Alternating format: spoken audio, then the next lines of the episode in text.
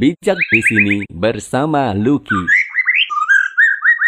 Masa paling membahagiakan adalah masa kecil. Bermain dan canda tawa, tak tahu orang tua susah, tak tahu dunia kacau. Jadi sekarang, nikmatilah kebahagiaan. Saat Anda bekerja, nikmatilah itu sebagai permainan yang membahagiakan.